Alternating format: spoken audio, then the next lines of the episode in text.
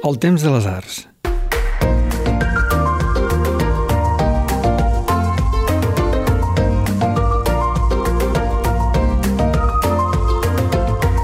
Hola i benvinguts a La Reserva, el podcast de patrimoni del temps de les arts. Avui amb Letícia Senjo passegem en hores encara per obrir, fora d'horari visitable, al Museu d'Art Contemporani de Barcelona, al MACBA, al cor del Raval.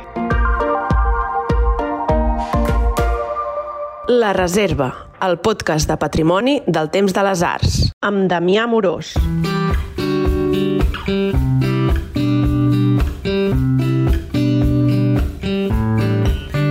Els dèiem a l'entradeta, som al Museu d'Art Contemporani de Barcelona, al MACBA, al vell mig del Raval, davant del Convent dels Àngels, i estem amb, amb l'escriptora, psicòloga, bueno, mil coses, la Leti Asenjo. Leti, gràcies per participar en aquest capítol de la reserva.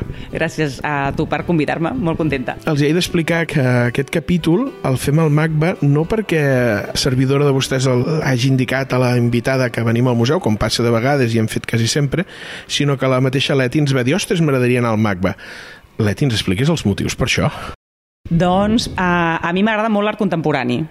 Uh, ja sé que amb, amb això no, no coincidíem gaire, però a mi el, el, em flipa el segle XX. I després m'encanta l'edifici on estem. O sigui, el, el Richard Meyer el, el trobo, o sigui, tot el, aquests edificis blancs que fa, o sigui, és on jo viuria. Jo vi, viuria aquí, en l'edifici aquest. Viuries en aquest edifici fos a Barcelona o fos a Tiananmen? O a, Pi- o a Vientiane? Ja, clar, no. A mi m'agrada viure a Barcelona, també. I, i, i per, ho dèiem no, pel fet que es va crear la polèmica quan es va instal·lar aquest edifici que podia estar igual aquí que a la Xina popular que, que a Dakota del Nord a, a Delaware no?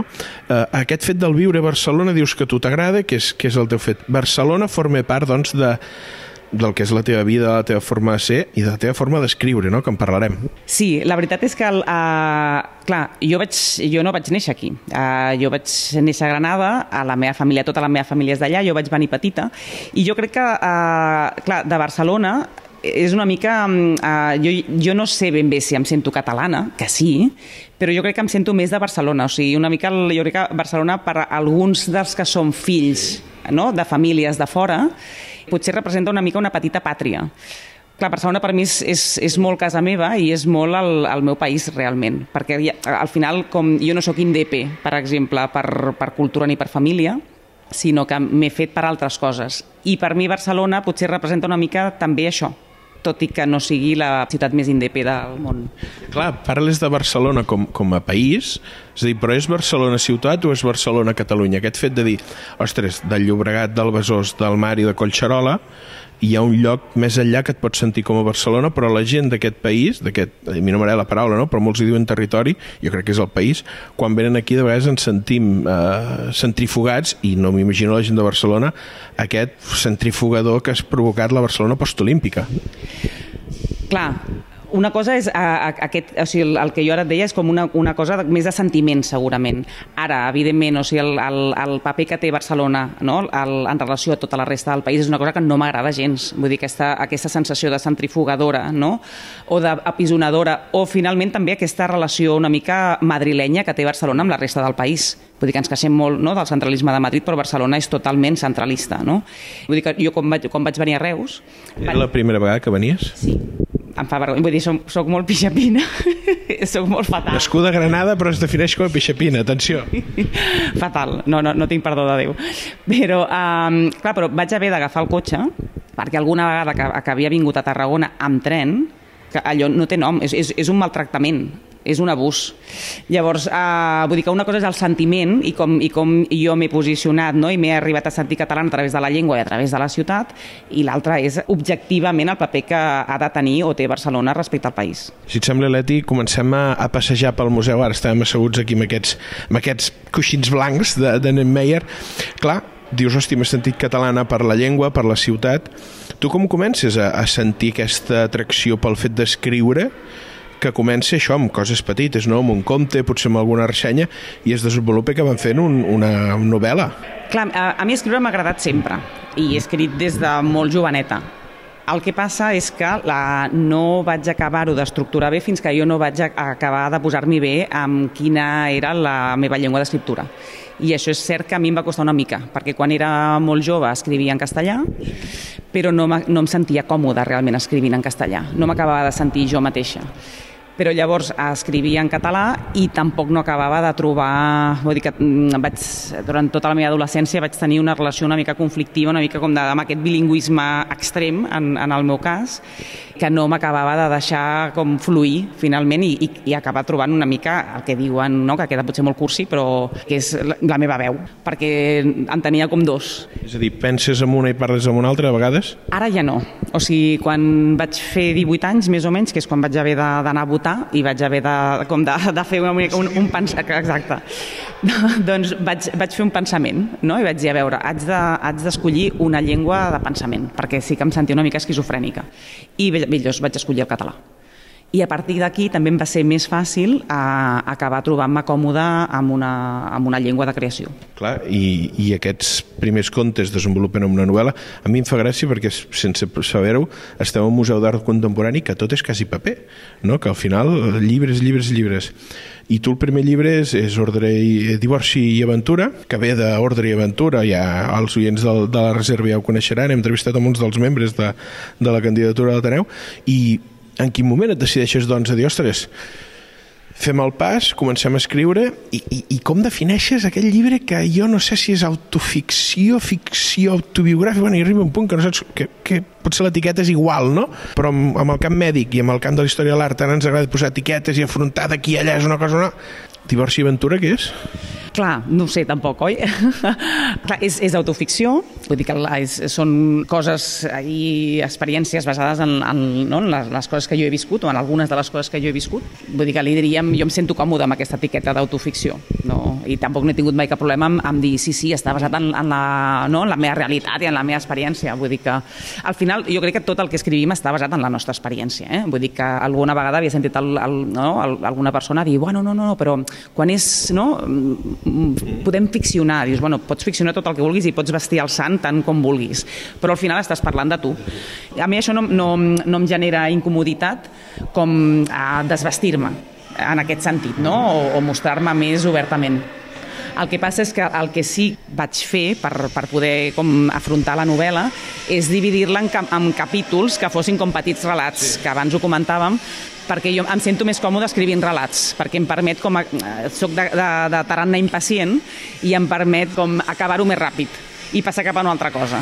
I és la forma en què tu pots dir, escolta, explico aquesta història, passo a l'altra i fem un bloc. Els nostres oients sentiran soroll, que som en un museu que acaba d'obrir, on encara entren els escolars, i, i és una imatge bonica, no?, aquesta de la canalla en un museu, i això potser l'Eti, tu com a professional de la psicologia, i a més dedicada a la canalla, pots pensar que, hòstia, entrar un xiquet o una xiqueta en un museu, podem trencar tabús també, no?, amb això, de portar un crió en un museu i, escolta, que, que jugui, que practiqui, que faci la seva cosa, la seva vida. I tant.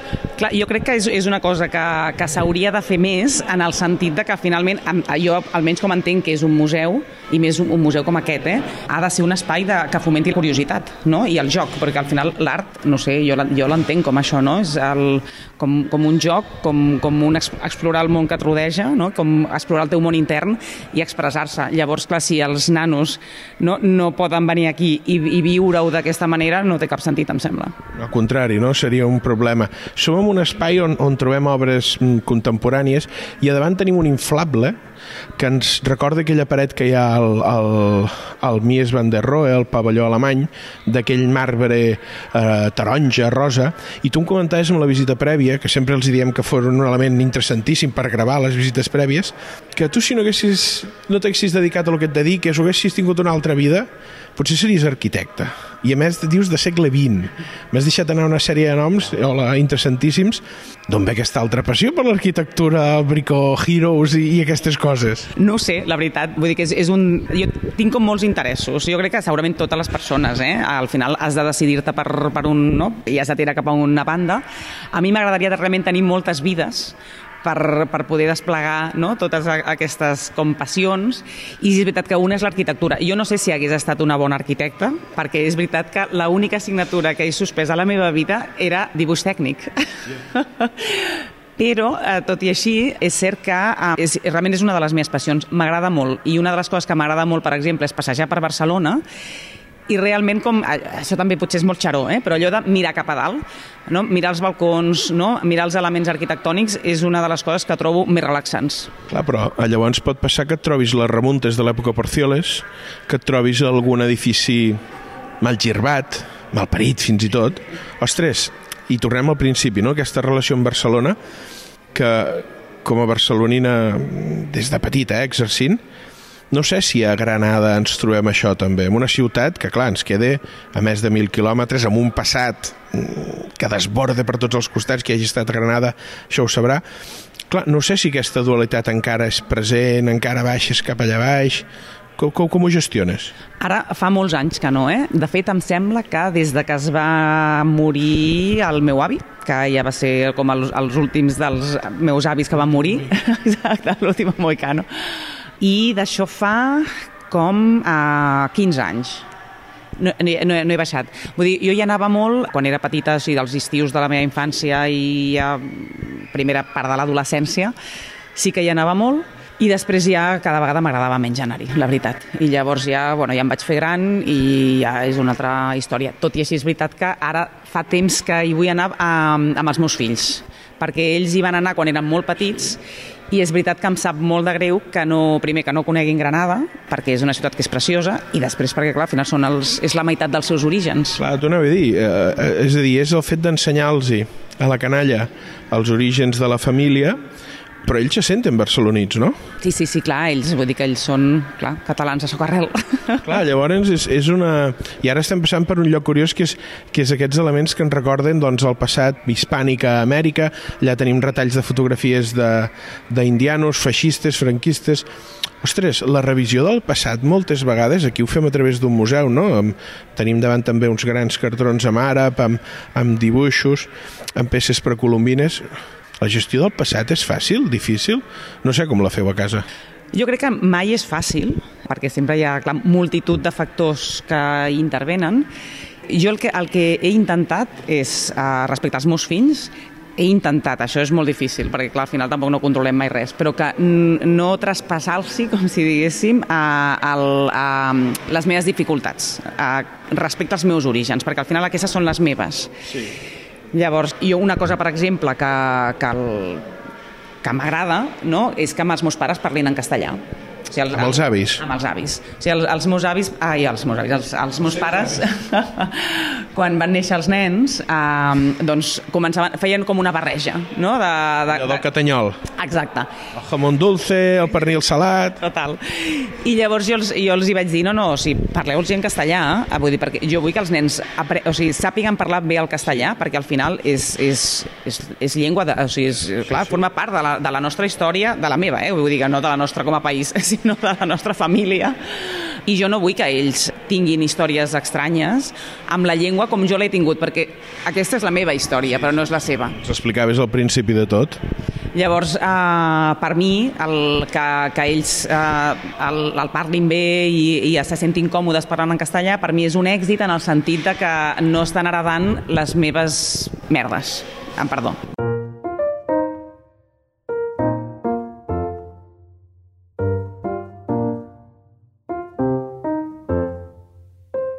Esteu escoltant La Reserva, amb el Damià Amorós. No marxeu, que de seguida tornem.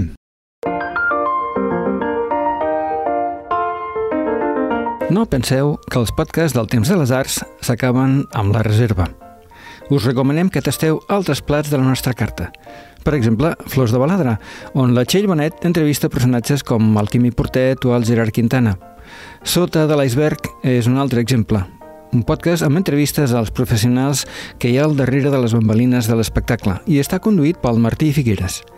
Per altra banda, també oferim un tastet del que s'està fent al davant de les Tremolles amb el Zoo de Vidre, el podcast d'arts escèniques de l'Andreu Gomila. Temsarts.cat és una revista online de divulgació de les arts, la cultura i el patrimoni. I ara seguim amb la reserva. Ep, si voleu.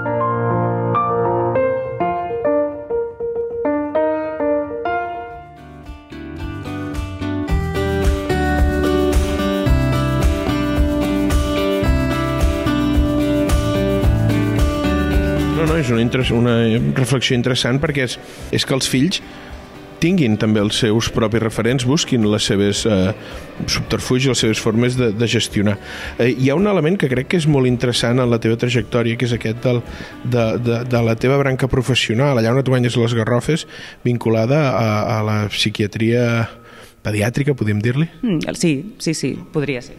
Ostres, com, com, com arribes tu en aquest món, sent una persona això amb unes preocupacions culturals extraordinàries, i, i després a, a fundar el que has fundat, no?, al voltant de, de tot això. Clar, jo no vaig començar a estudiar psicologia, o sigui, jo vaig començar a estudiar comunicació audiovisual. Vull dir, que realment eh, vull dir, va ser una mica accidental, finalment. Sí que és veritat que jo el que volia fer era eh, escriure guions per programes infantils. Vull dir que el, el tema de la infància ja és un... no? ja hi era. Uh, perquè és veritat que uh, fer coses per nens, fer productes culturals uh, per nens és molt difícil. O sigui, no tractar-los com si fossin imbècils, tampoc no intentar uh, llavors fer una cosa com uh, per agradar als pares i llavors fer un, fer un no, una... sinó realment que sí, per ells. Per ells, però intel·ligent. No? I, i això trobo que és molt difícil i això és el que eh, bueno, el, tenia una mica al cap quan vaig començar comunicació. Però bueno, va ser una època de la meva vida complicada, aquesta com postadolescència o primera joventut. Eh, vaig deixar la carrera i, i vaig començar una teràpia, jo, com a pacient. És a dir, tu com a pacient comences teràpia deixant, havent deixat la carrera. Exacte perquè clar, jo sempre havia estat molt bon estudiant eh, i, i clar, deixar els estudis va ser un cataclisme familiar. Eh, llavors, quan vaig començar aquesta teràpia, eh, vaig començar a resoldre coses, em vaig començar a, a, a trobar-me més bé, i com que em vaig sentir molt ajudada, doncs... Dit, xec, xec, ara... ara... Potser això és el meu. jo crec que... Eh, bueno, vaig acabar psicologia, eh, no tenia del tot clar i de fet jo crec que una de les coses que per mi van ser una pena va ser no estar millor aconsellada perquè a mi m'hagués agradat millor o sigui, eh, ara estaria molt més contenta si hagués fet medicina i hagués acabat fent això, doncs, psiquiatria infantil és igual, o neonatologia fins i tot vull dir que tot realment eh, concentrat en, en, en... La canalla, no? Infància, sí. sí.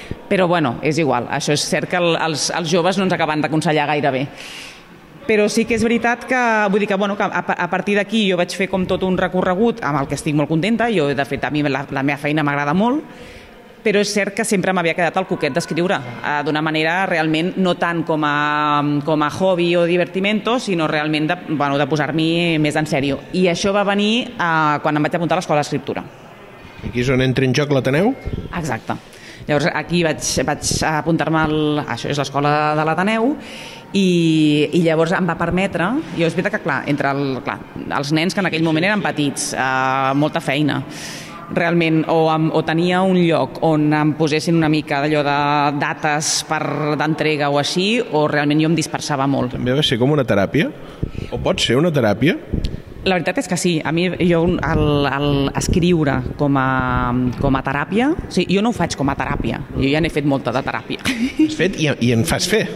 O, o, o, o, o la gestiones? Exacte.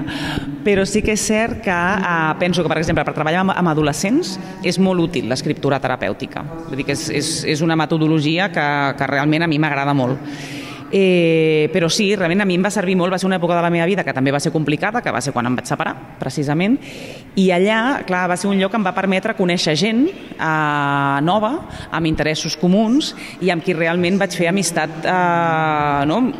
intensa. Els interessos, a més, això que deies, comuns, no? Perquè tots anàveu allà a aprendre a escriure o, o a fer una escriptura creativa. I tant. Clar, llavors, per una banda, em va permetre doncs, tornar a posar-m'hi no? amb el tema de, de l'escriptura d'una manera no? doncs, clar, més, més intensa. Per l'altra, em va permetre conèixer gent amb qui realment hem fet llaços doncs, uh, molt importants i després em va permetre també conèixer, o sigui, entrar a Ordre i Aventura, o sigui, va ser triple carambola. Ah, car carambola important, que més eh, la part de l'Ateneu pot seguir en marxa o es desenvolupa en, en, en divorci i aventura, d'Ordre i Aventura en pot haver sortit un grup de gent potentíssim intel·lectualment per fer coses pel país, potser, i d'aquesta escola o taller d'escriptura Aquest any en sortirà una altra cosa, perquè l'altre dia Twitter va començar com a negre a fer tuits, a fer tuits, i hi havia una foto que sorties tu. Exacte. Sí, perquè amb, amb les amigues de l'Escola d'Escriptura, que ara fa 10 anys, no?, que ens Ja és això, amigues, ja, ja, ja, ja és així. Clar, són les meves amigues, el que passa és que a sobre són grans escriptores, clar. Elles totes van començar a publicar molt abans que jo, eh, no, jo sóc una gran procrastinadora, llavors era l'ovella negra del grup, no? són eh, l'Elisenda Solsona, eh, la Laura Tejada, la Gemma Sardà, i després eh, amb la Roser Cabré Verdell ens van fer amigues després eh, però vull dir que hem, hem fet un grup molt maco i, i això va ser un, com un projecte eh, que va sorgir de la pandèmia, eh? vull dir que l'estàvem, no? entre que estàvem allà tancats, no sé què, vam dir, va, fem alguna cosa, fem alguna cosa juntes, fem, fem uns relats i a partir d'aquí, bueno, va sortir una idea, vam acabar fent dos relats cadascuna eh, amb un tema comú eh, i que són molt diferents perquè totes realment escrivim de manera molt diferent i han quedat molt divertits i sí, sí, sortiran amb coma negra i això surt al, al febrer, surt d'aquí res, sí, d'aquí. Eh, d'aquí un mes, així que ja tenim, ja tenim pròxima novetat de Leti Senjo. No ho sé, Leti, si, si aquest fet d'escriure hòstia, té, té més recorregut a part de, de diversió i aventura o contes, novel·la... No sé com et planteges el futur de la teva escriptura. Clar, mira, ara estic fent, a part d'aquests relats eh, eh, que sortiran, estic fent uns relats també de tipus fantàstic. Vull dir que a mi tot el tema del fantàstic m'agrada, vull dir que és, és, un, és una manera no, d'explicar de, coses que també poden ser no, molt, molt íntimes, és el que dèiem, no? vull dir que al final la línia és molt fina entre l'autoficció i la ciència-ficció.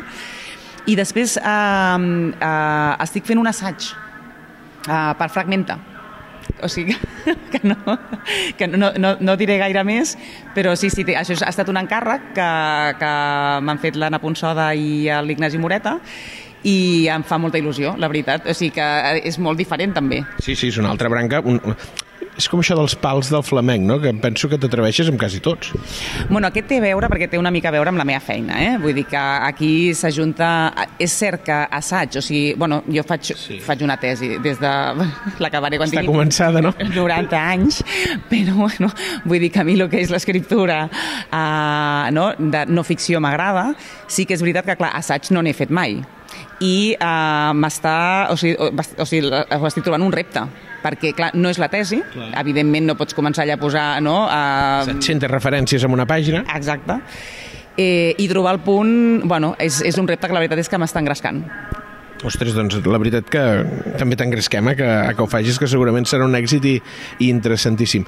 Leti, sempre que acabem amb els nostres invitats preguntant-los aquestes passejades, preguntar-los ostres, on us podem trobar? Jo sé que tu tenim una tens una presència a xarxes extraordinària, on et podem trobar?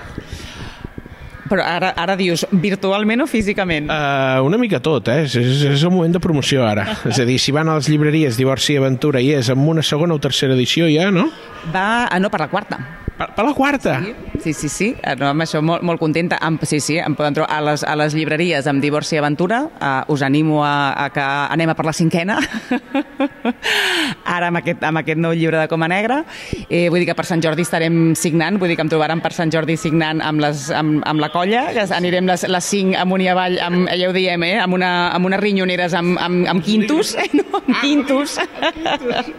ja, exacte, i amb els bolígrafos també, amb els Vic. Vull dir que llavors podrem xerrar i si no, doncs sí, a Twitter eh, també per allà estic. Doncs Leti, moltíssimes gràcies. A vosaltres per convidar-me. I també gràcies a, a tot l'equip humà de, del Museu d'Art Contemporani de Barcelona, el MACBA, a qui agraïm les facilitats per fer una, una part de la passejada de l'ètic hem fet fora d'hores. No sé si t'has fixat que diuen que no hi havia vigilants. Ningú. Sí, sí, ha estat, ha estat uh, bueno, fantàstic.